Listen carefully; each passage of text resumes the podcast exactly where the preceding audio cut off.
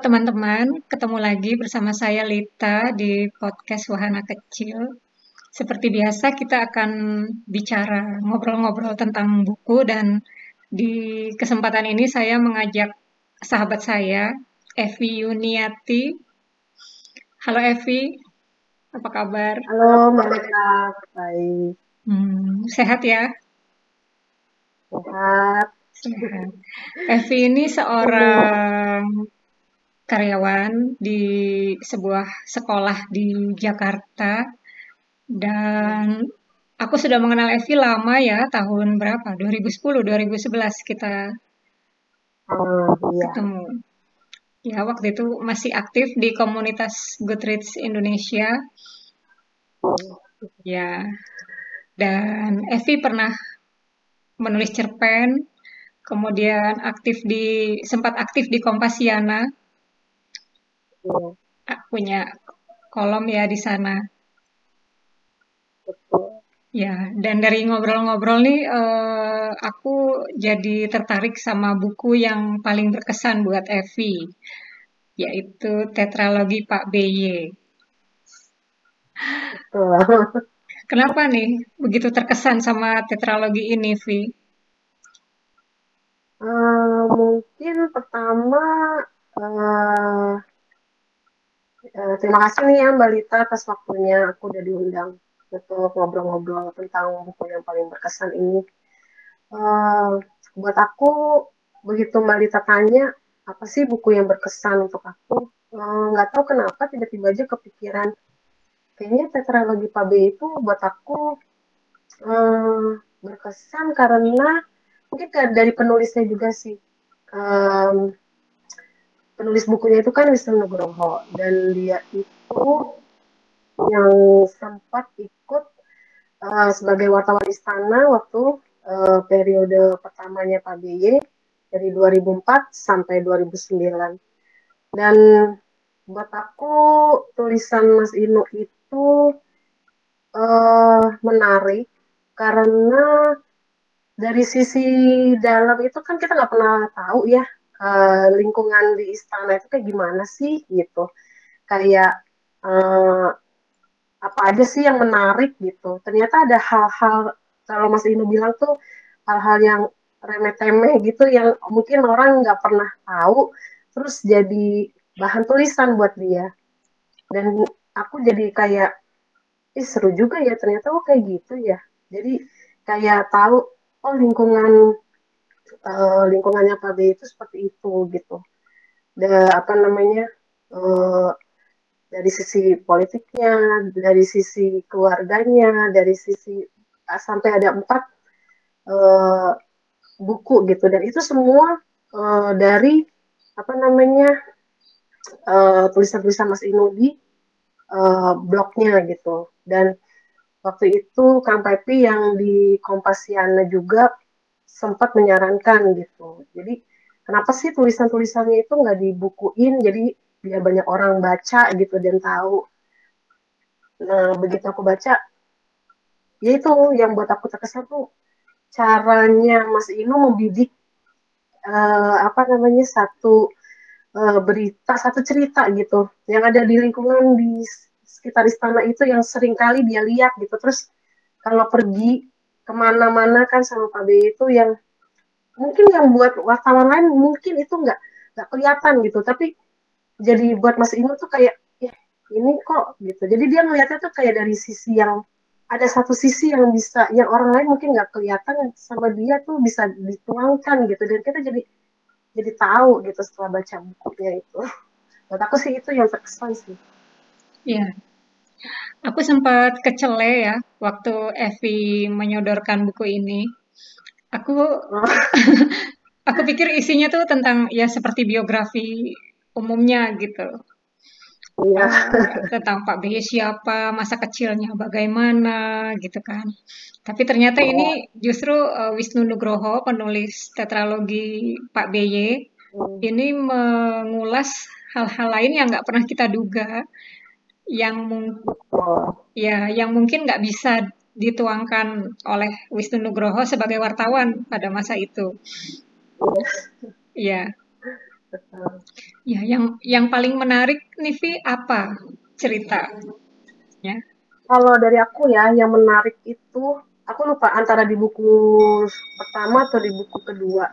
Itu yang aku buat aku berkesan banget itu waktu Mas Inu uh, ngebahas tentang uh, buka bersama.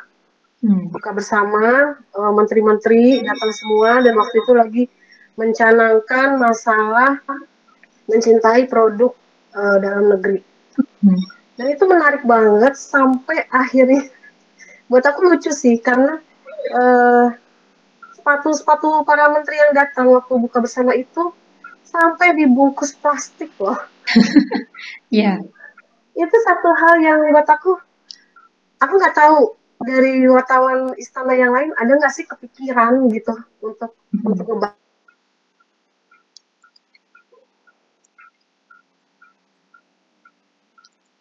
itu sampai kayak uh, aku juga jadi iya juga ya gitu ternyata lagi waktu ngebahas masalah mencintai produk dalam negeri sementara ya mungkin ya kita juga tahu lah kalau para menteri itu ya ada tapi ada juga yang uh, branded lah gitu yang iya. nggak iya. buatan dalam negeri. Jadi sampai segitunya harus dibungkus. Iya. Itu menarik banget buat aku. Iya jadi ada empat judul ya Evi. Satu Pak oh. BY dan istananya. Dua Pak BY dan politiknya. Ketiga Pak BY dan kerabatnya. Satu lagi Pak BY dan keluarganya. Iya. Iya, dan soal itu soal mencintai produk dalam negeri aku ketawa juga tuh yang tentang Bu Menteri sampai tasnya ditutup selendang. Wah, itu juga itu luar biasa kalau buat aku ya. Itu dibidik banget gitu loh. Dan itu itu sih yang membuat aku jadi terkesan Mas Inu tuh bisa ngelihat hal yang kecil loh itu gitu kayak ke, apa sih kenapa sih tas mahal itu harus dibungkus gitu. Iya. Sampai segitunya gitu loh. Yang buat aku menarik sih itu. Iya. Dari empat buku. Itu iya. Di blog FV di Kompasiana itu juga ditulis tentang Ki Hujan ya. Ya. Mm-hmm. pohon trembesi itu yang ada di istana. Yeah. itu juga ya, itu saksi saksi mati ya. Dengan begitu banyak pergantian presiden yang ada di istana yeah. selama itu sama klinik itu juga menarik buat aku ya dan aku juga nggak tahu apa segitunya Mas Inu bisa ngelihat itu gitu kayak um, mungkin kepercayaan gitu ya angka 9 gitu. Hmm, gimana tuh angka 9? Dan itu ada ada aku juga nggak ngerti itu tuh sampai ada di uh, kalau nggak salah ada di buku yang keempat juga itu ngebahas tentang angka kembali lagi jadi ada angka-angka yang ya tanggal lahir Pak BY itu kalau dijumlah ujung-ujungnya 9 dan partai beliau juga sembilan mm-hmm. itu tuh aku nggak kayak ngeliat itulah yang hal-hal kecil gitu yang uh, apa namanya wow gitu buat aku Mas Ino bisa tulisin sampai kayak gitu ya mungkin memang itu benar ya mbak kayak apa namanya ya nggak mungkin lah hal-hal kayak gitu dia harus ceritain di uh, apa namanya di koran atau apa dituangin di media yang cetak atau apa jadi itu benar-benar konsumsi dia sendiri yang makanya akhirnya dia tulis di blog gitu. Mm-hmm. Ya. Gitu. Kem- kemudian ada cerita tentang Pak Mayar ya. Ya, Pak Mayar itu ya. juga uh, apa namanya? Ya kembali lagi ya kalau kita ngomongin politik uh, di masa-masa itu gitu ada koalisi-koalisi terus akhirnya sampai berpikir untuk kok pamayar gitu yang dijadiin ini di Cikes Udik itu. Tapi uh, setelah itu apa gitu? Mm-hmm. Yeah. Oh, uh, rumah itu juga nggak berubah, mm-hmm. nggak ada perubahannya setelah dipakai gitu. Iya. nggak ada kelanjutan kasiannya tuh eh, sampai akhirnya Mas Inu juga uh, sempat balik lagi ke sana ke Cikeas Udik itu di saat juga uh, Pak Mayar udah nggak ada nggak ada umur ya gitu. Dan nggak merasakan banget uh, apa ya kayak perubahan-perubahan yang uh, semestinya dirasain dengan apa yang udah sempat diomongin gitu. Mm-hmm. di rumah itu dan Pak Mayar itu jadi dijadiin kayak apa ya uh, inilah kayak orang ini gitu. Ini ada orang seperti Pak Mayar gitu di di satu sudut Cikeas gitu. Tapi perubahannya pun beliau nggak sempat merasakan gitu. Ya. Aku agak ngenes tapi geli juga baca cerita tentang Pak Mayar jadi karena SBY datang dan karena keadaannya waktu SBY datang ke rumah Pak Mayer yang disediakan hanya air putih. Iya. Tetapi setelah SBY terpilih, banyak orang yang mencari peruntungan dan minta air putih ke SBY gitu. Padahal oh. Pak Mayer bilang dia ya cuma punya air putih gitu, nggak bisa beli teh, nggak bisa beli gula gitu. Dan ya aku kagum dengan sosok Pak Mayer karena uang yang dia dapat dari orang-orang yang datang kepada dia itu dia bagikan ke orang-orang yang tinggal ya. sekampung dia gitu. Iya. Mm-hmm. Iya. Iya. Sebatas itu gitu loh mbak maksudnya yang hmm, dirasain sama Pak Mayar gitu. Iya. Dan kayaknya benar banget. Mm-mm. Tapi aku geli juga dengan cara Wisnu Nugroho ini ya, menulis ini dia menggelitik misalnya tentang gaji gitu. Mm-mm. Itu ada di Pak yeah. BY dan keluarganya kalau nggak salah. Ya di Pak BY dan keluarganya sih memang lebih banyak sekitar keluarga sih ya. Mm-mm lebih nah ya di situ dia uh, ikut ke Pacitan ketemu sama budinya yang membesarkan dia dan itu juga dibahas juga. Maksudku kayak nama almarhum ayahnya Pak BY sebagai tentara itu. Itu buat aku ada aja gitu loh mbak. Yang kayak itu ada nomor dua gitu. Nomor 49 ya apa itu jadi kenapa harus ada dua gitu mm-hmm.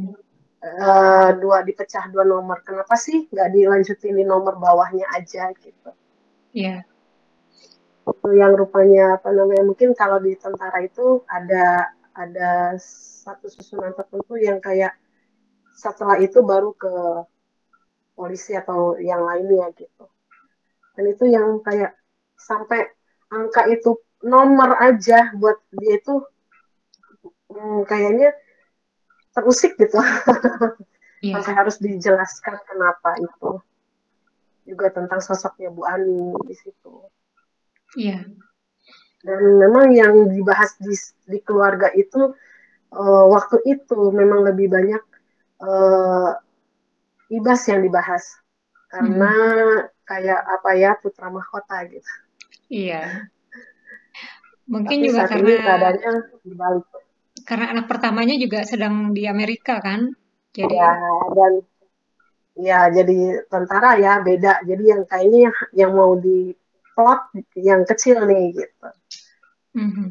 Jadi diikutin ke mana-mana. Iya. Kalau baca cerita tentang mobil gimana nih, Pi? Mobil, Nah, mobil. Itu aku agak sedikit lupa ya kalau mobil itu. Uh, agak lupa-lupa ingat sih kalau ya tentang mobil karena nggak terlalu yang mobil itu boleh kasih klunya mbak? Jadi uh, Wisnu Nugroho itu sering ini sering memotret mobil-mobil pejabat yang datang ke istana. Misalnya Abu Rizal Bakri, meski dia punya jatah Camry, tapi Oh, sehari-hari untuk datang ke istana itu dia lebih sering pakai Lexus atau Mercedes-Benz atau uh, Bentley-nya Hartati Murdayapo itu. Oh, ya, ya itu juga satu apa ya? eh balik lagi mungkin ke apa namanya? Merek-merek terkenal seperti itu kayak apa ya? Mungkin kayak punya satu pride tersendiri gitu buat yang eh, buat yang pakai itu dan apa ya kayak nunjukin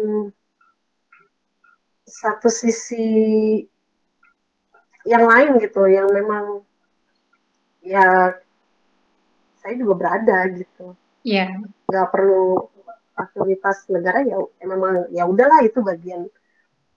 Atau ada yang lain tapi kayak pride aja sih. Mhm, mhm. ya, nunjukin pride-nya aja Waktu baca ini apalagi Vi yang bikin nggak terlupakan gitu isi bukunya. kalau buat aku di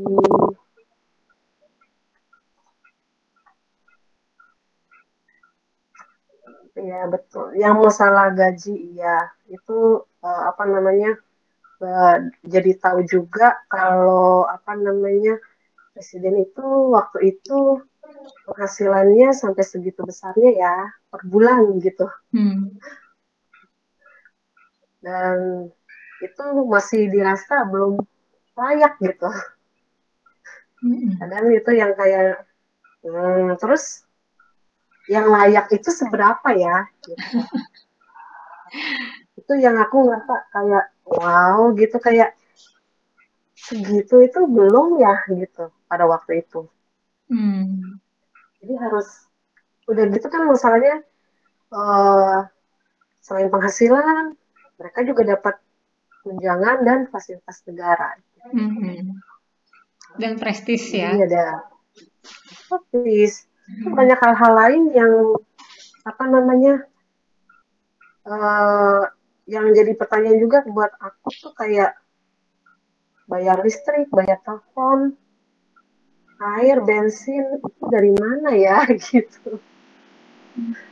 Jadi banyak hal ya jadi dipertanyakan karena kok ngerasa masih kurang gitu.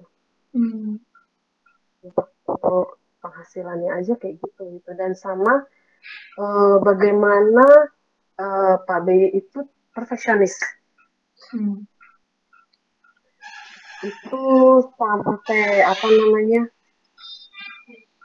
eh peci miring itu bisa jadi satu masalah mhm. harus benar-benar yang eh, benar-benar perfect gitu Hmm, sama apa namanya terus kalau itu ternyata beliau itu harus latihan dulu pidato sebelum on air. Jadi ada sisi-sisi itu yang apa namanya baru tahu gitu setelah baca itu. Jadi mhm. kalau ada pemenggalan kalimat pengambilan nafas supaya apa beliau nggak terlihat terengah-engah waktu eh, apa pidato terus eh, ada tanda-tandanya gitu. Buat aku baru tahu gitu dan Hmm.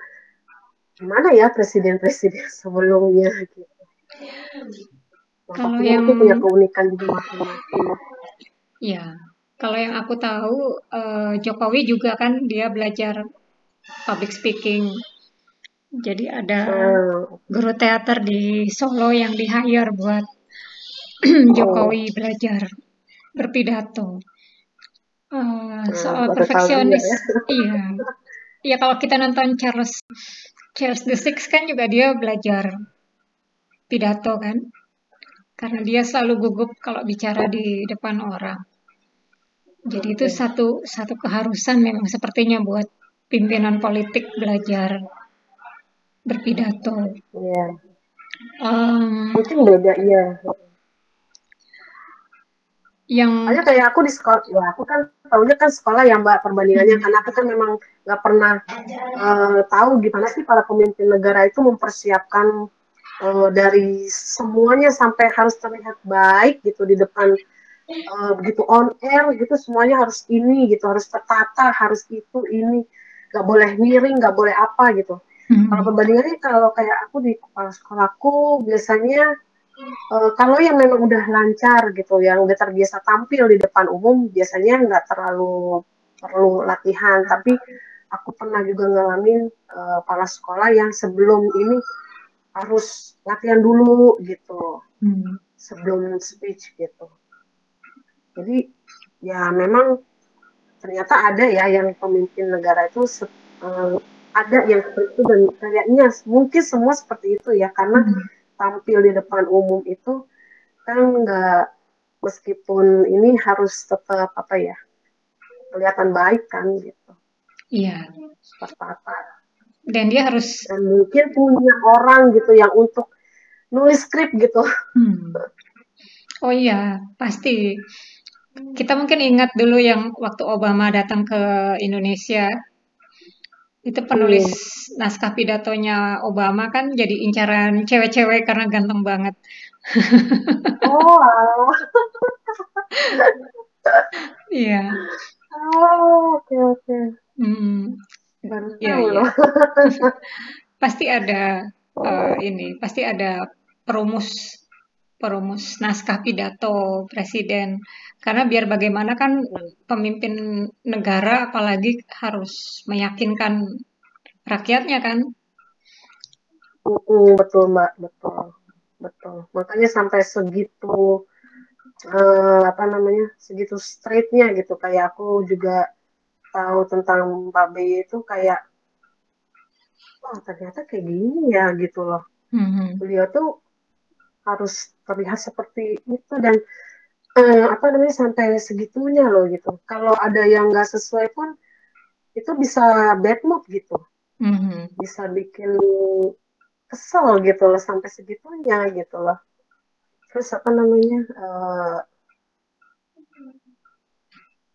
banyak memang di buku kedua itu banyak sih tentang politik yang dibahas ya. Mm-hmm. Dan waktu itu juga masa apa sih uh, dan jadi tahu kampanye-kampanye ada kalau Mas Inu ngebahasainnya itu apa sih mereka punya tim hore kayak gitu. Terus sampai apa namanya ya memang harus ada strategi-strategi khusus ya selama pilpres atau apa pun. Ya benar apa ya pencitraan gitu emang bener sih. Hmm. Paling enggak pencitraan yang iya gitu. Iya, paling enggak kan menunjukkan negara baik-baik saja. Ketika iya. presiden iya. sedang bicara soal perfeksionis tuh aku teringat sosok Pak Iwan ditulis juga ya sama Wisnu Nugroho yang dia harus bawa podium ke mana-mana Oh iya. iya. Iya. Makanya itu, itu tuh yang apa ya gaya ya mungkin gaya ceritanya Mas Inu dan didikan didikannya itu loh Mbak yang mm-hmm. bikin jadi setiap aku jadi pengen baca lagi buku berikutnya pengen baca lagi jadi pengen pengen tahu apa aja sih yang ada terjadi tuh di lingkungan istana itu atau selama uh, Pak BY jalan-jalan tuh apa aja sih gitu. Hmm. Sampai dia sampai Mas ini bisa bagi menjadi empat gitu. Dari polit dari istana ke polit. Ya pokoknya dibagi empat itu buat aku benar-benar satu pengalaman yang udah selama lima tahun ya lima tahun ikut ke mana-mana itu uh, sampai bisa menghasilkan buku.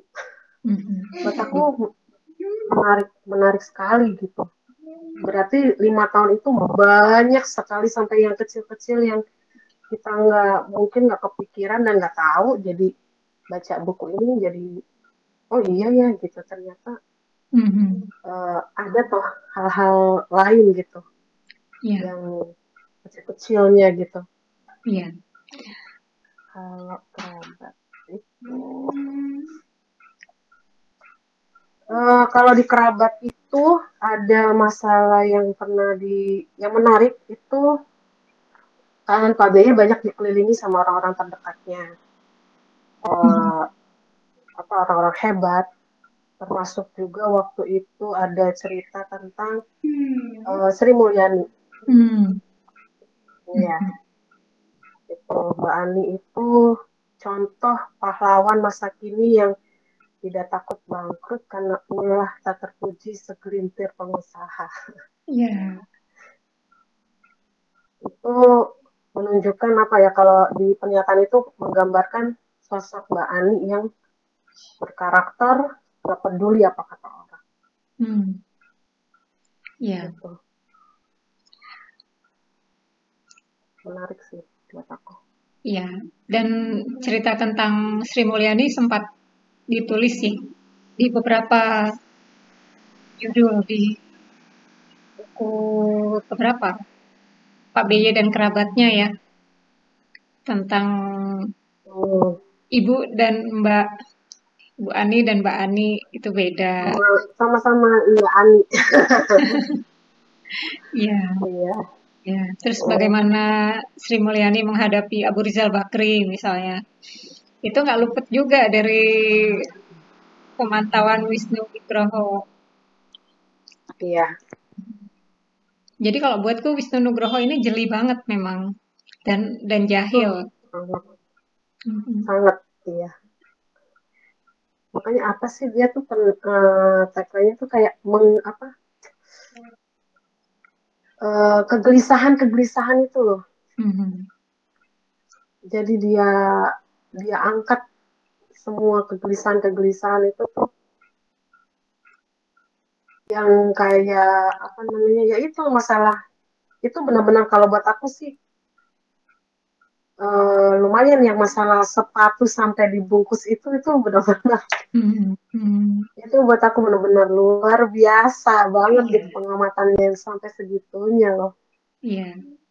sampai kita sampai kayaknya malu deh jangan orang lihat gitu dan itu Iya. sampai di, buat aku baca itu benar-benar geleng-geleng kepala jadi itu terus yang suka teringat sama aku tuh itu Iya, iya.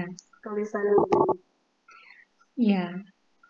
Dan aku jadi bertanya-tanya eh, apa wartawan istana yang pada masa itu juga meliput hmm, bareng Wisnu Nugroho Hmm. punya kejelian yang sama gitu. Ya mungkin Iya, juga. dia mbak. Mungkin ada tapi mereka nggak menulis aja. Iya, Mm-mm. kayak ya itu remeh-temeh deh yang apa sih orang tuh kayak nggak akan ngeliat lah itu gitu Iya. atau kalaupun iya tapi kayak nggak penting deh untuk dikabarkan gitu Iya, iya. tapi buat ini tuh jadi penting gitu kayak itu tuh yang ada di kepalanya dia kali ya kayak yang eh, menggelitik gitu kayaknya buat dia tuh jadi akhirnya dia tulis di blog gitu Mhm. yang nggak mungkin dia nggak mungkin dia tulis kan nggak mungkin dia ungkap itu di koran gitu Iya, iya. Ya, iya aku tersentuh waktu dia menulis tentang eh, juru masak Kes- yang Hmm, iya. Pak BY terus menunjukkan menu makan siangnya dia. iya Mhm. soto soto ayam Soto ayam. terus bahkan sampai maaf nih ya masalah sampai tank di istana Iya. pun Oh iya. dia bisa bisa cerita itu Mhm. aku tuh sampai yang oh Mas Inu ini banyak kali ya gitu Iya, iya. Dia apa sih yang dilihatnya dia itu gitu sampai tank aja tuh jadi bisa jadi bahan tulisan dia gitu loh iya. yang tahu aku bisa keidean gitu kepikiran untuk ngangkat itu gitu loh Iya. Ya, aku sempat tertawa juga. Maksudnya gini, orang tuh kadang wartawan meliput yang meliput aja gitu ya. Dia nggak lihat sekeliling Iya. gitu. Kemudian ada tukang bawa ember, bawa tongkat pel itu sampai mau menggelitik Wisnu Nugroho. Iya. Kemudian dia susul gitu kan. Iya. itu itu benar-benar sih kalau buat aku tuh kayak yang ya itu jadi nggak habis gitu loh mbak cerita itu Mm-mm. buat dia gitu. Mm-mm. nggak habis dan itu kayak perlu deh diangkat gitu kalau menurut dia gitu Mm-mm. perlu ditulis gitu Mm-mm. biar nggak lupa gitu loh Iya, bahwa istana pernah mengalami hal-hal kayak gitu ya. Iya. iya gitu Termasuk juga museum ya, museum yang tadinya ada di istana, kemudian dipindahkan ke Binagraha, kemudian dipecah ke empat istana lain. Itu iseng aja kalau buat aku dia sampai nulis itu. Mhm. nah iya itu makanya yang kayak apa sih gitu kan yang kayak gitu-gitu tuh ya nggak tahu deh ya kok bisa gitu Mhm. dia ungkapin di situ dan sekarang kayaknya istana itu udah nggak terbuka lagi kayaknya ya Aku kalau dulu dulu kan bisa kita bisa masuk ke istana. Dan aku eh, waktu itu tahun berapa ya? 2000 2000 berapa ya waktu zaman zaman aku lupa presidennya apa masih SBY itu istana boleh dikunjungi tapi eh, cuman yang istana negara kalau nggak salah. Hmm. itu bisa. Dan waktu itu aku pernah tour Hmm. eh dari field trip dari satu sekolah aku kebetulan ikut. Jadi aku eh, pas banget gitu. Dampingin eh, dari satu sekolah lain aku diminta temanku karena dia punya apa namanya tour gitu. Dan ada satu sekolah yang pakai jasanya untuk ngantar nih anak-anak mau field trip gitu tapi kurang guide gitu. Jadi aku diminta nemenin gitu. Dan Hmm. ada kunjungannya ke istana waktu itu 2000-an gitu deh aku lupa 2010 2008 atau berapa gitu. Nah jadi itu benar-benar yang aku lihat oh ini gitu. Dalamnya itu. Ya tapi memang nggak semua dia buka dibuka ya gitu untuk umum. Tapi eh, sebelum tur ke dalam istana itu kita ada dikumpulin di satu ruangan eh, di ada apa penjelasan gitu dari Polwan waktu itu yang menjelaskan. Terus habis itu baru sama-sama ke dalam dan sekarang kayaknya udah nggak ada lagi itu Hmm. yang deket seknek kalau nggak salah waktu itu masuknya dari situ Hmm. sekarang udah tertutup lagi kayaknya udah nggak dibuka lagi untuk umum gitu Apa aja yang dilihat Vi waktu itu? ruang waktu itu ruang tempat biasanya presiden eh, nyampein pidato tuh Mhm. Yang suka dia berdiri di situ. Nah itu kita ya lihat di situ. Terus tempat eh, presiden terima tamu. Mhm. itu di situ dikasih lihat. Mhm. ya biasanya ya tempat umum ya. Tempat umum yang eh, presiden terima tamu yang dia pakai untuk pidato gitu. Nggak terlalu banyak juga sih ruangan-ruangan yang dibuka. Mhm. Nggak boleh nggak terbanyak nggak banyak banyak juga gitu terbatas kayaknya Iya, iya. Seingatku sih sejak Gus Dur itu dibuka tur. iya Ya, sejak masa pemerintahan iya Gus Dur. kayaknya ya Iya. pokoknya aku beruntung banget ya dari dulu waktu mulai ada sempat dengar berita istana boleh buka untuk umum itu kayak apa ya pengen juga sih lihat gitu dan dilalahnya ya kebetulan banget tuh bawa rombongan anak-anak sekolah. Jadi kesempatan akhirnya gitu. Iya.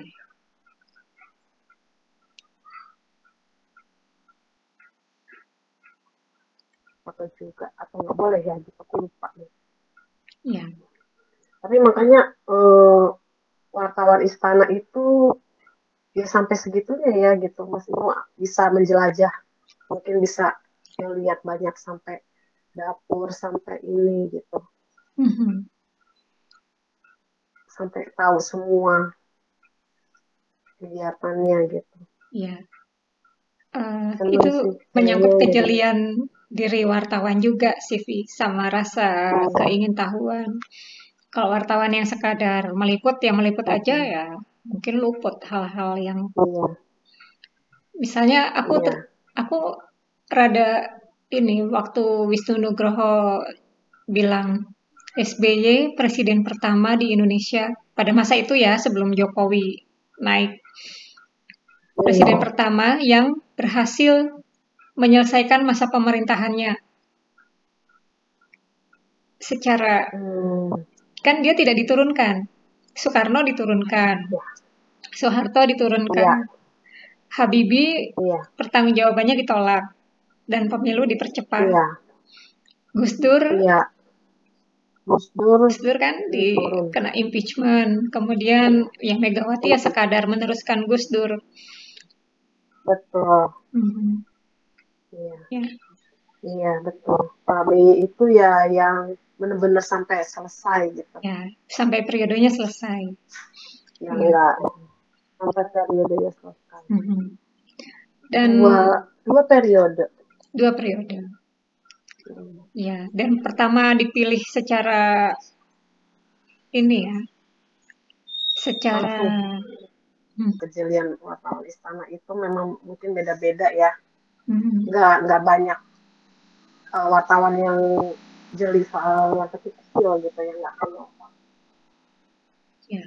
terus sama untuk buku keempat itu juga ya memang ada beberapa catatan juga dari aku eh, mengenai ini mbak apa namanya kalau dulu Pak Harto itu dibilangnya the smiling general. Hmm.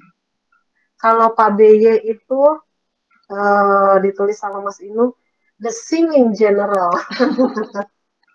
Ya ya karena ternyata ya Pak BY itu punya hobi bermusik musikalitasnya lumayan tinggi juga. Hmm. pencipta lagu ternyata gitu. Mhm. ya. Itu luar biasa sih. Ya. Ya. Ada satu bagian dan, yang di, dan di- itu kenapa? hmm, ada satu bagian yang ditulis Wisnu iya Nugroho Mbak, itu bagian? ketika podium di ketika SBY berpidato kemudian ada bagian yang bikin gak nyaman SBY dan eh, sama SBY diminta dipindahkan. Kemudian termasuk paket bunga. Hmm, hmm, hmm. nah begitu paket bunganya dibawa SBY-nya malah nyanyi bunga mawar.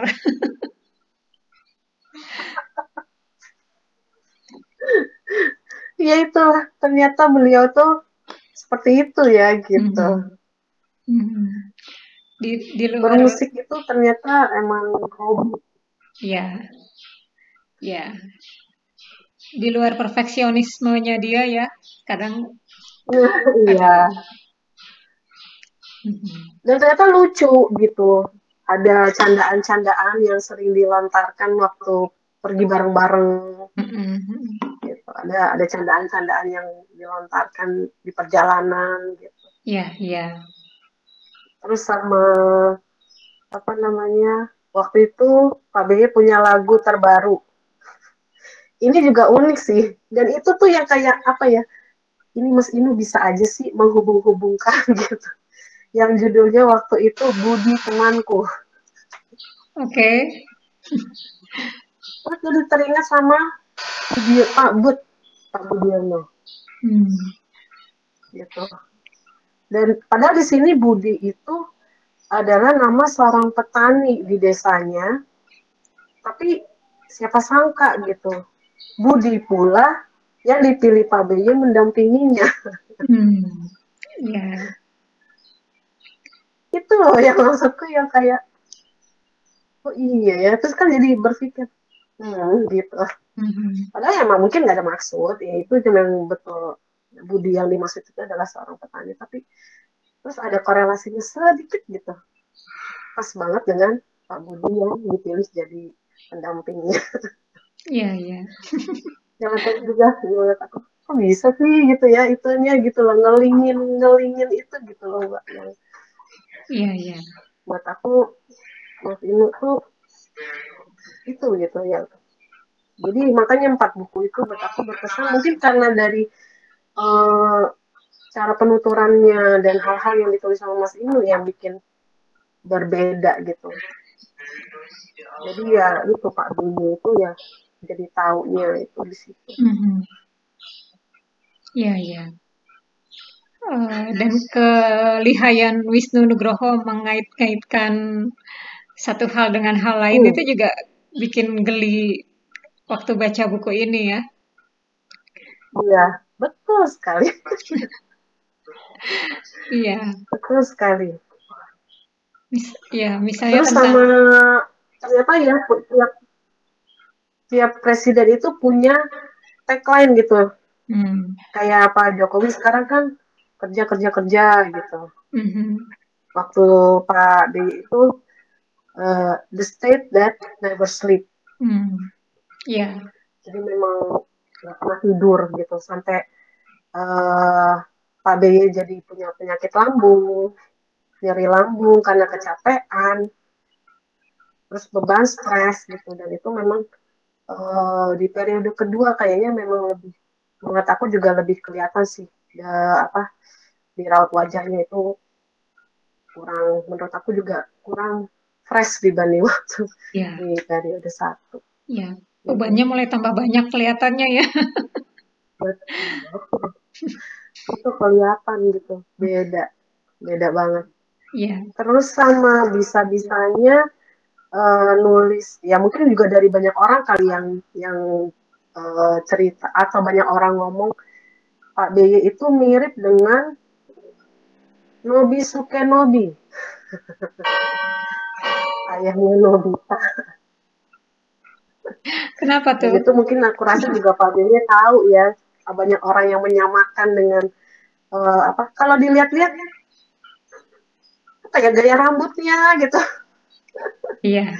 Jadi bisa apa namanya uh, bisa sampai kepikiran orang juga bisa sampai banyak orang mungkin yang ngomong mirip ya sama bapaknya Nobita gitu dan hmm. kayaknya itu udah mungkin beliau pun juga mungkin tahu itu.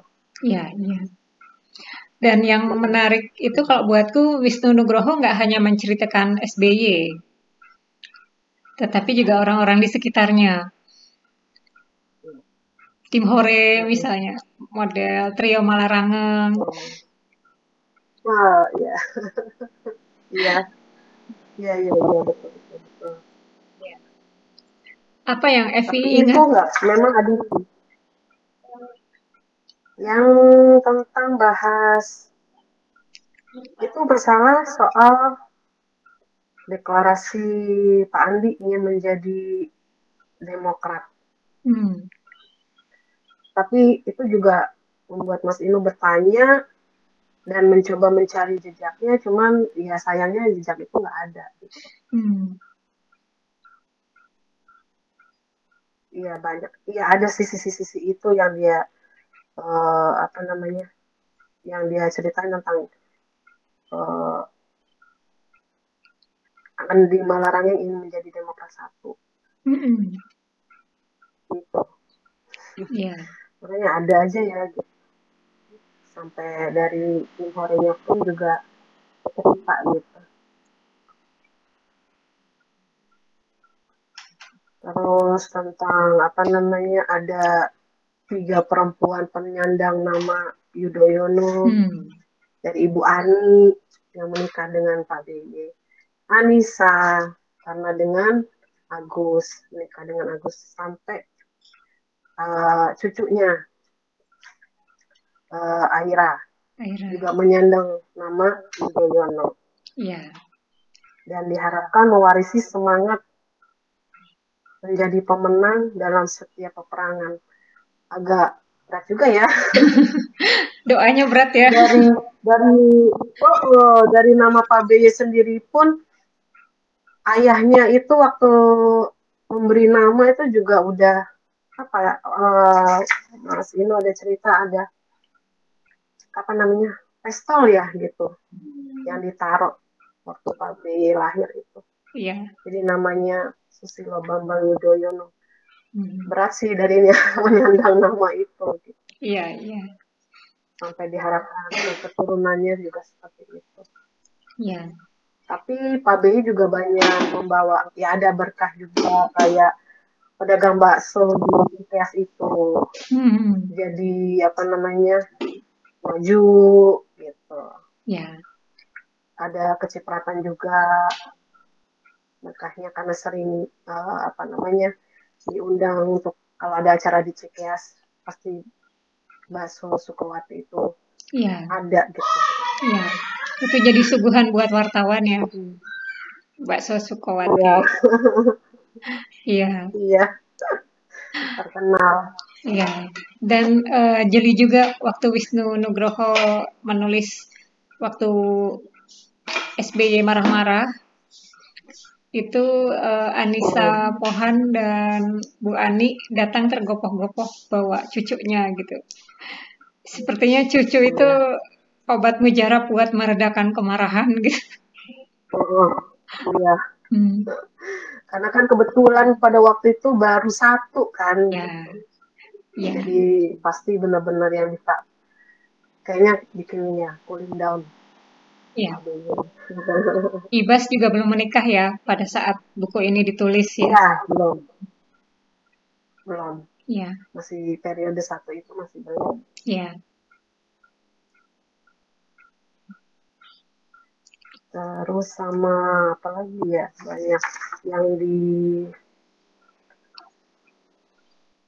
aku sampai browsing loh mbak lagu yang uh, ciptanya Pak B yang ku yakin sampai di sana. Hmm. yang dinyanyiin sama Rio Febrian. Hmm. ya enak juga sih lagunya. Iya iya. Aku sampai browsing kayak apa sih lagunya dinyanyiin itu Rio hmm. Febrian? Ya enak sih. Hmm. sampai merek batik yang biasa Pak BY pakai juga ditulis. Iya. Itu yeah. luar biasa. Terus sama mas masalah menghemat energi waktu itu. Iya itu uh, nyentilnya nyentilnya seru ya itu yang Ahmad Yunus datang itu kok uh, ruangan istana pendinginnya lebih dingin dari 25 derajat seperti yang disarankan. Betul. Sampai sampai sampai segitunya gitu harus uh, dibahas gitu loh iya. masalah itu. Iya. Membawa rakyat untuk hemat energi. Akhirnya pakai uh, kemeja lengan pendek. Mm -hmm harus iya. diukur semuanya terus masalah peresmian pabrik rokok ya itu yang tadi aku sempat cerita bahasa apa namanya masalah eh, pabrik peresmian pabrik rokok Sampurna cabang ke 31 31 itu jumlah gabungan tanggal lahirnya Pak BY 9 plus 9 plus 4 plus 9 Mm-hmm. itu kayak pokoknya balik lagi ada lagi unsur kliniknya lagi gitu. Mm-hmm. Iya. Dan uh, ini juga waktu soal rokok itu ini pabrik apa buruh perempuan di pabrik rokok. Itu hmm. Wisnu Nugroho bilang kalau pak di pabrik aja buruhnya itu harus menutup hidung dan mulut. Karena bau yang terkeluar dari rokok itu belum dibakar. Bagaimana dengan orang yang menghisap asapnya gitu. Itu oh iya ya gitu masuk akal juga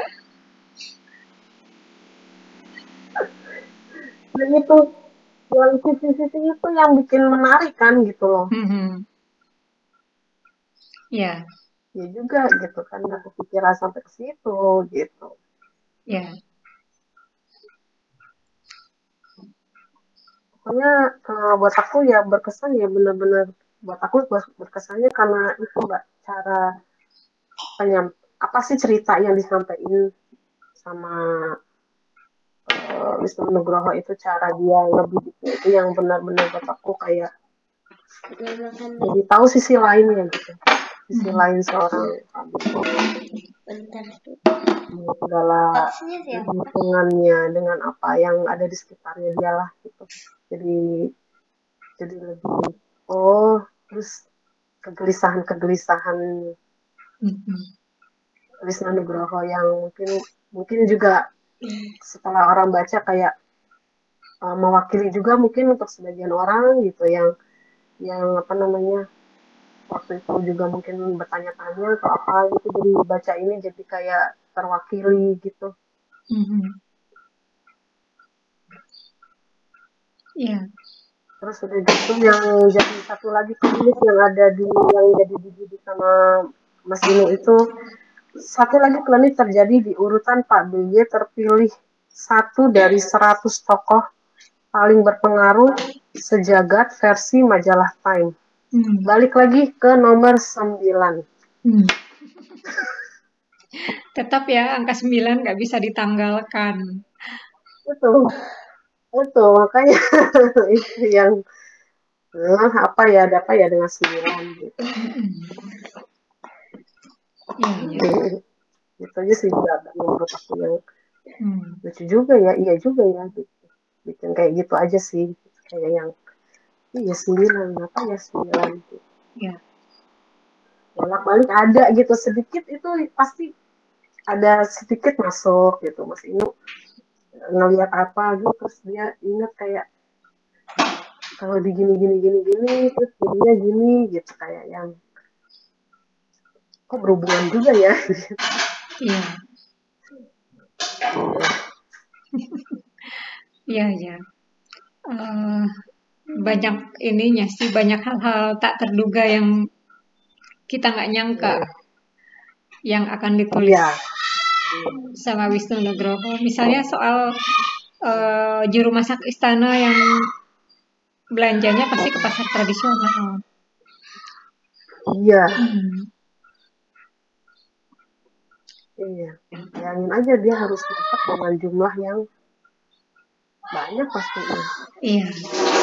Hmm, kan wartawannya juga dapet. Iya.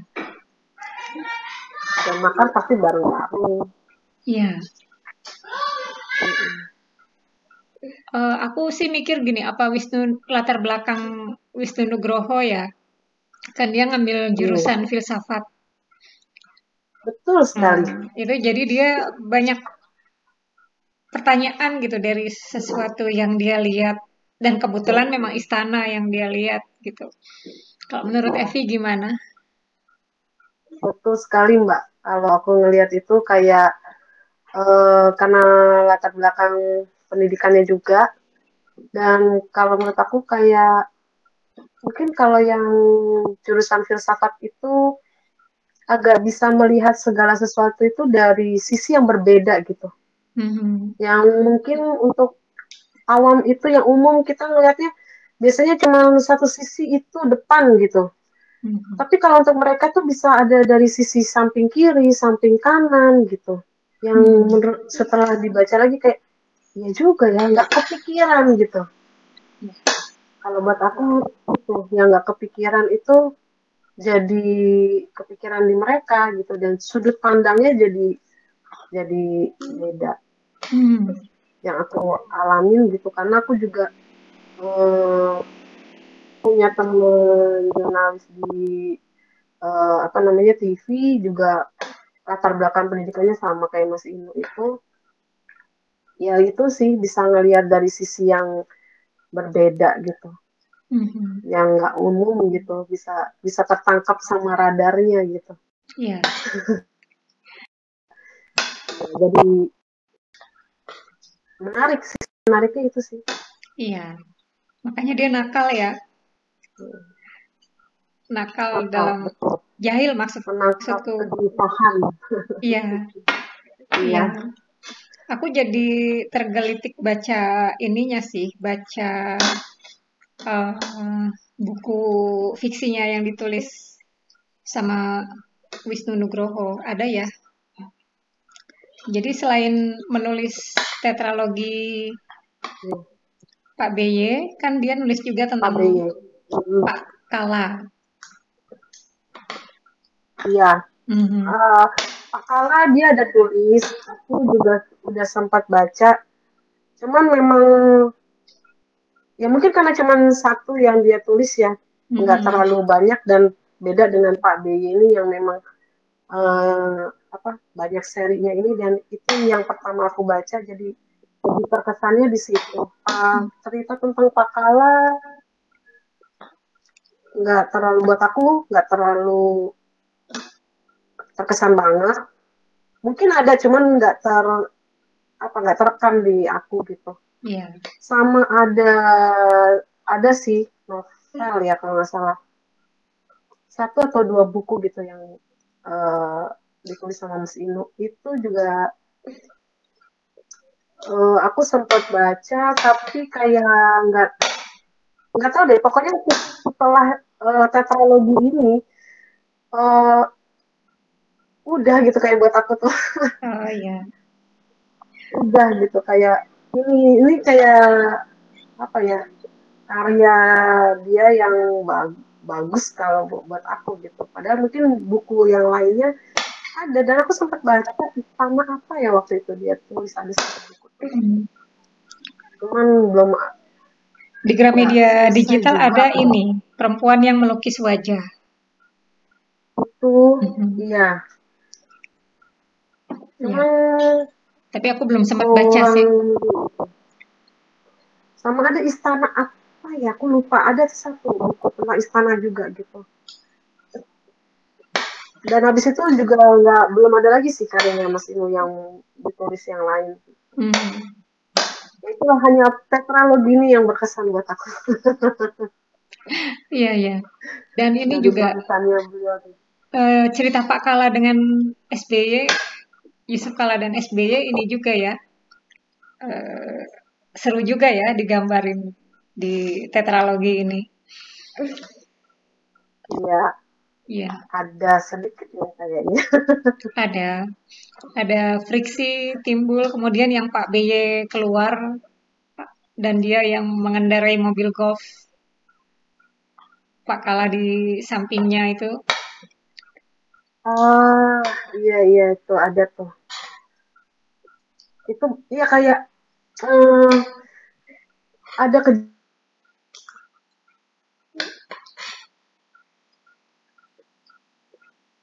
eh, Mas Inu tuh kayak itu menyiratkan sesuatu gitu Iya. Iya, friksi-friksi gitu. Ini Mhm. menyiratkan sesuatu yang, eh gitu nggak ke, kok bisa sih ngelihatnya sampai ke situ ya gitu. Yang kayak kita, itu kan satu hal mungkin per, per- apa duduk di sebelahnya atau apa itu kan satu hal yang biasa gitu kan gitu. Kalau untuk yang umum gitu, ngelihatnya tuh nggak ada apa gitu. Iya. Tapi kalau buat beliau tuh kayak yang ini tuh ada sesuatu deh kayaknya gitu loh. ini tuh simbolik gitu kayak apa ya ini menandakan apa ya ini yang dia sampai bisa dia tulis gitu dia tuangkan Iya. Ini eh, aku nggak tahu waktu itu juga pernah ada mbak kayak apa sih masalah? Pernah. Aku nggak tahu kayaknya ada di buku ini salah satu buku ini atau enggak tentang Kofifa ya waktu itu. Mhm. Eh, dia baju biru biru aja itu kayak menandakan oh kayaknya dia ber apa namanya kan Demokrat biru-biru gitu. Hmm. Kofifa bajunya biru-biru. Kayaknya ini dia eh, apa namanya memilih ke partai itu gitu loh. Hmm. Kayak ada yang begitu-gitunya gitu. Jadi ya benar friksi-friksi itu yang membuat apa ya? Yang nggak kepikiran tuh jadi ya juga bisa jadi ya gitu. Kita jadi mikir iya juga ya bisa jadi gitu maksudnya gitu. Hmm. Warna biru banyak dibahas ya di sini di tetralogi ini karena lambang partai Tambang Pak. sampai baret warna baret pengawal presiden Hmm. diganti menjadi biru. iya kan itu nggak pernah kepikiran gitu loh kayak sih gitu tapi itu jadi tanda gitu itu jadi itu aja bisa jadi uh, oh iya karena pemimpinnya warnanya itu jadi semuanya ke situ gitu loh wow gitu aja sih kalau aku baca, baca kalau baca tulisan yeah. makanya tetralogi itu udah buat aku sih ini udah bukunya tulisannya Mas Ino tuh ini hmm. gitu ya yang nyantol lah gitu yang buat aku ini hmm. selebihnya karya yang lain uh, belum belum gitu belum benar-benar sampai kesentuh ke akunya gitu hmm. apa yang dirasa kurang dari buku ini Vi? Kalau yang dirasa kurang, hmm,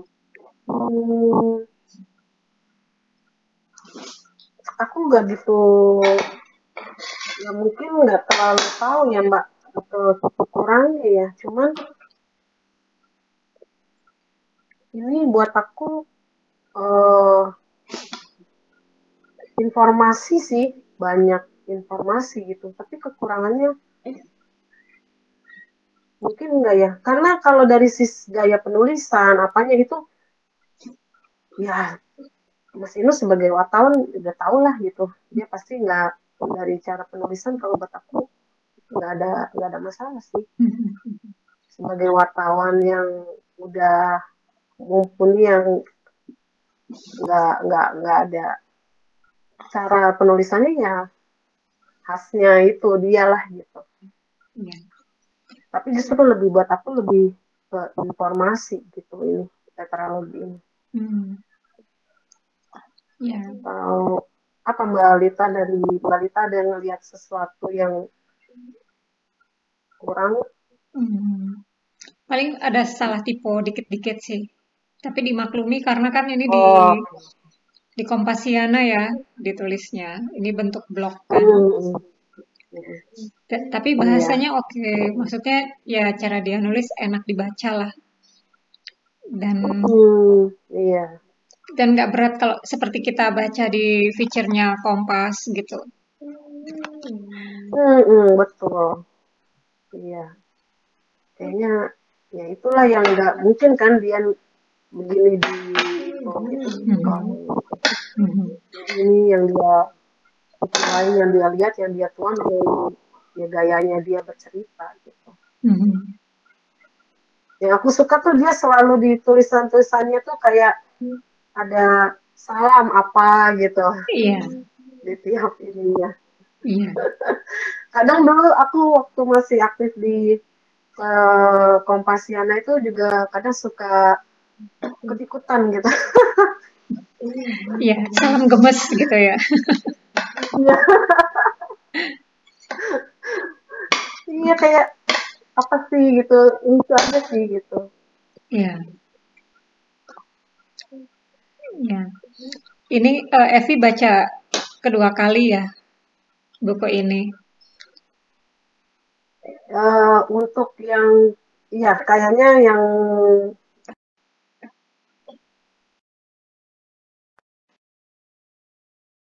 aku hmm. karena antara eh kayaknya aku udah baca atau belum gitu jadi aku baca ulang lagi yang keempat ada bedanya nggak Vi dengan waktu baca pertama dulu dengan baca sekarang. Baca lagi ya? Hmm. uh, nggak ada. Ya paling cuman kayak ngerasa oh iya kayaknya ini waktu itu kemis ya gitu. Hmm. kayak hmm. Eh, kayaknya ini udah deh tapi waktu itu mungkin yang ya udah gitu. Jadi begitu baca lagi ya kayak nge-refresh aja gitu mbak. Hmm iya. Bedanya cuman nggak baca nggak ada beda banget sih. Lagi gitu. Iya.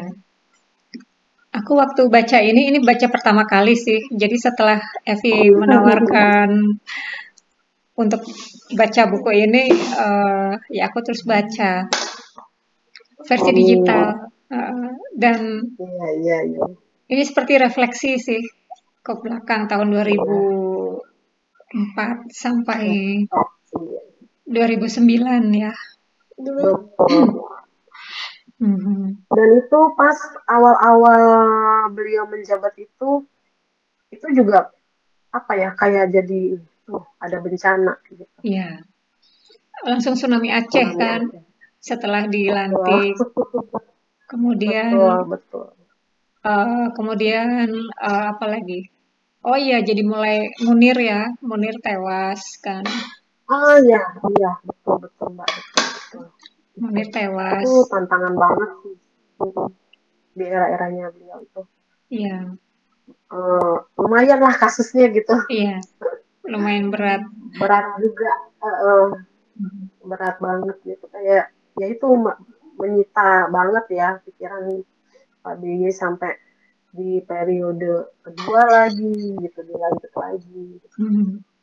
dan masih ada beberapa hal yang mungkin masih belum tuntas juga. Iya, dan itu yang bikin beliau berubah di periode kedua tuh da- dari raut mukanya tuh kayak kalau lagi pas ada ini kayak capek gitu kayak lelah gitu. Iya. Aku sempat cari ini sih, dietnya SBY kan dulu sempat rame ya, yang 10 kilo turun dalam sebulan itu. Tapi nggak dibahas di buku oh ini iya ya. iya Mhm. Nggak ada dibahas. tapi ya nggak ada dibahas itu Iya, cuman mungkin ya ada mungkin karena memang beliau punya itu sih punya emah ya Hmm. Asam jadi lambung ya. mungkin juga pola makannya mungkin pola makannya juga di, mesti diatur Hmm. tapi kan memang kalau namanya emah itu kan eh, relate-nya ke pikiran kan rata-rata bilangnya begitu ya kalau banyak pikiran tuh eh, apa asam lambung tuh bisa naik gitu. Mhm. jadi ya, mungkin itu juga yang banyak pikirannya itu yang eh, kelihatan gitu ya jadi bisa bikin asam lambungnya naik Iya. Belum lagi dia perfeksionis ya, itu bikin tambah stres. Iya. Iya, benar. Makanya mesti di, harus menghibur diri mungkin dengan eh, nyanyi, nyiptain lagu, yaitu yang jadi apa ya mungkin hiburan beliau gitu untuk menghibur dirinya sendiri juga gitu di Mhm. tengah, duh banyak banget masalahnya yang harus dihadapi waktu itu. Mhm. Iya. Iya. Kalau dibaca-baca, ini kira-kira Evi teringat sama buku apa lagi, Vi? Yang kira-kira seperti ini. Kalau tadi kem- eh, pas ngomong Munir ya, aku jadi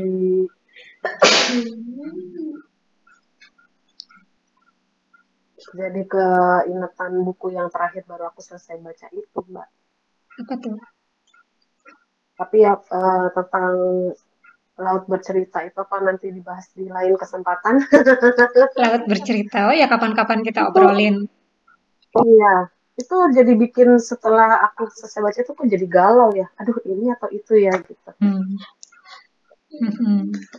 Karena itu jadi juga bikin galau eh, Leila itu Hudori, bagus banget mhm. risetnya juga ini ya, kuat. wah itu benar-benar Iya. luar biasa juga Mhm. tapi apa ya aku sih nggak ada kepikiran karena memang mungkin aku nggak banyak baca tentang non fiction mbak maksudnya kayak hmm, apa namanya gaya kepemimpinannya presiden di negara lain ya Mhm. aku du kalau aku nggak tahu aku cuman eh, senang JFK Kennedy tapi tapi eh, apa namanya bagaimana cara kepemimpinannya apa yang sampai bedah dalamnya sih aku nggak nggak terlalu tahu banget. Tapi nggak tahu aku seneng aja gitu sama Obama. Obama juga seneng karena eh, apa namanya kalau menurut aku ya bersahaja juga sih orangnya gitu. Terlalu macam-macam. tapi itu juga nggak yang banyak banget tahu sih. Uh, aku pernah nulis di Kompas masalah uh, itu juga beliau punya uh, apa ada satu wartawan juga yang eh bukan wartawan apa sih kayak juru foto di uh, di sana di Washington itu itu juga sama dia aku pernah lihat itu banyak foto-foto-foto gitu yang kan kalau kayak gini Mas Inu mungkin ada juga dari foto banyak juga kan yang dia foto di hmm. sekitar istana ataupun pas lagi ikut kunjungan ke mana. Nah ini juga di Obama itu juga ada juru fotonya yang suka cepat segala gerak geriknya Obama mm-hmm. itu di dituangin eh, aku pernah nulis itu di Kompas aku lupa dulu memang sempat aktif sih mbak apa aja gitu yang aku lihat aku tulis di Kompasiana gitu hmm. belakangan ini aja udah nggak pernah lagi cuman ya itu nggak aku nggak ada bisa uh, perbandingan atau mengingat dari sini tuh aku ingin sosok siapa ya gitu. Hmm. karena nggak terlalu banyak yang aku tahu. Kalau mau dibandingin sama Bung Karno mungkin beda ya nggak bisa. Kayaknya nggak bisa Pak BY nggak nggak bisa dibandingin dengan Bung Karno. Karena buat aku um, Bung Karno juga punya gaya kepemimpinannya sendiri sih. Iya. Aku pun Pak BY ini karena tulisan ini aja ya. Kalau untuk aku nggak tahu deh apa ada biografinya tersendiri ya gitu. Mm -hmm. Cuman tapi sebagian buat aku sebagian aku punya gambaran aja gitu Iya. Yeah. Oh ternyata beliau ini tuh orangnya seperti ini ya gitu. Hmm. Yes. Dan kedisiplinannya dia dari uh, hmm. apa namanya istri dan anak satu-satunya gitu, hmm. tunggal kan gitu. Dan ibunya yang ibunya juga memang menikah lagi setelah itu. Yes. Tapi beliau ini diasuh sama uh, budenya gitu. Mm-hmm. Jadi mungkin emang dari remajanya itu udah tough ya gitu. Yeah. Perjalanan hidupnya beliau itu uh, keras juga ya. Itu juga mungkin yang ngebentuk uh, apa namanya Pak itu jadi sosok yang uh, perfect Yeah. Mungkin dari perjalanannya tentara apalagi gitu tuntutannya mungkin banyak mm-hmm. harus disiplinnya gitu loh itu yang menurut aku ya. dia seperti itu iya menarik sih menarik mm-hmm. jadi tahulah gitu sisi sisinya Pak yang yang lain gitu Iya. Yang selama ini kan memang dilihatnya hanya di TV dan pemberitaannya yang formal gitu. Kalau ini kan uh, sisi informal kalau buat aku. Iya. Ya. Hmm, paling kalau aku yang ingat ya B.J. Habibie. Buku tentang dia banyak. Oh, iya. Filmnya juga ada. Oh iya. Tapi kalau Bung Karno, iya, betul, betul, betul. Pak Harto apalagi sebetulnya banyak Soeharto itu uh, biografinya kan yang ditulis. Oleh banyak orang juga tapi uh, ya aku nggak tertarik baca Bung Hatta sebetulnya Hatta. yang wah itu itu uh, kenapa belum ada nih ya sineas yang tertarik untuk mengangkat kisahnya Bung Hatta padahal Bung Hatta itu juga uh, oh bersahaja banget itu yeah.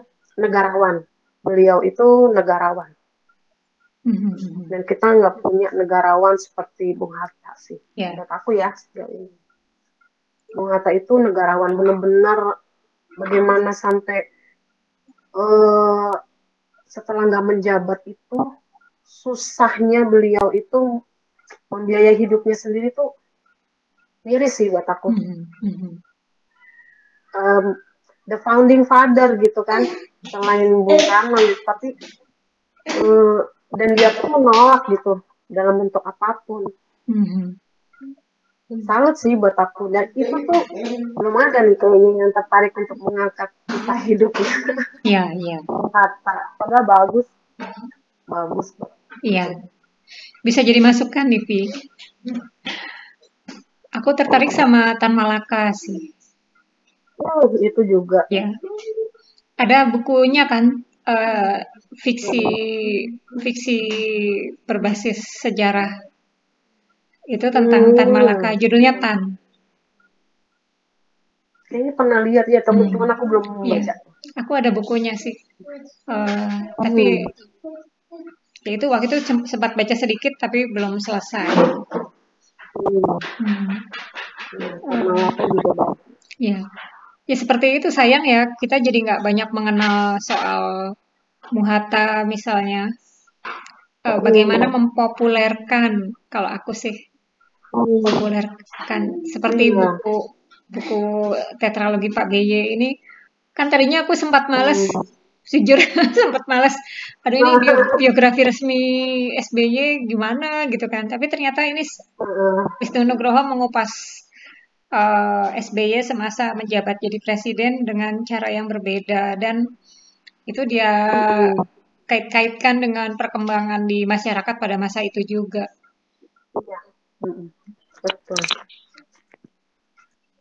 Iya. Oke, Menarik sih, emang menarik. Hmm. udah lebih dari satu Nanti, jam nih. Kenapa iya nih. Nanti eh, bahas tentang itu mbak laut. Ya, ya. Aku aku tunggu nih Laut bercerita. Itu kayaknya aku lagi, lagi itu, aduh, keren banget deh, Hmm. Sumpah. Ya. Aku baca mbak. aku baca itu sekitar bab, bab terakhir terakhir mbak. Itu hmm, itu tuh yang bikin aku jadi semangat tuh. Udah mendekati terakhir tuh kayak yang semenjak apa namanya meninggal atau si itu udah hilang kabar itu udah terus tuh aku jadi terus mhm. nggak berhenti gitu Ya, terus balik memori tuh balik lagi ya. Itu kita obrolin di episode berikutnya. Jangan di sini. boleh boleh boleh Oke. Oke, Vi, makasih soalnya banyak. masih fresh masih fresh banget Oke, iya ya. Bisa ditulis dulu kesan Evi. iya boleh Oke, Evi, makasih iya banyak udah mau dan gabung. juga Mm-mm. Makasih juga ini rekomendasi bukunya. Aku suka bacanya. Semoga bisa eh, memancing teman-teman yang lihat video ini untuk membacanya juga. iya ini bagus banget bagus banget kalau untuk eh, meskipun udah lewat gitu masanya tapi eh, nggak ada salahnya kok dibaca Mhm. jadi apa balik jadi tahu aja gitu dulu tuh kayak gimana gitu Ya, ya. Oke, sekali lagi Evi, makasih banyak udah ya gabung. Sam- yo juga sam- sampai ketemu lagi. undang Kapan-kapan main ke Bandung lagi, aku tunggu di rumah. oh iya pasti pasti Ya, ya. Oke, bye Evi.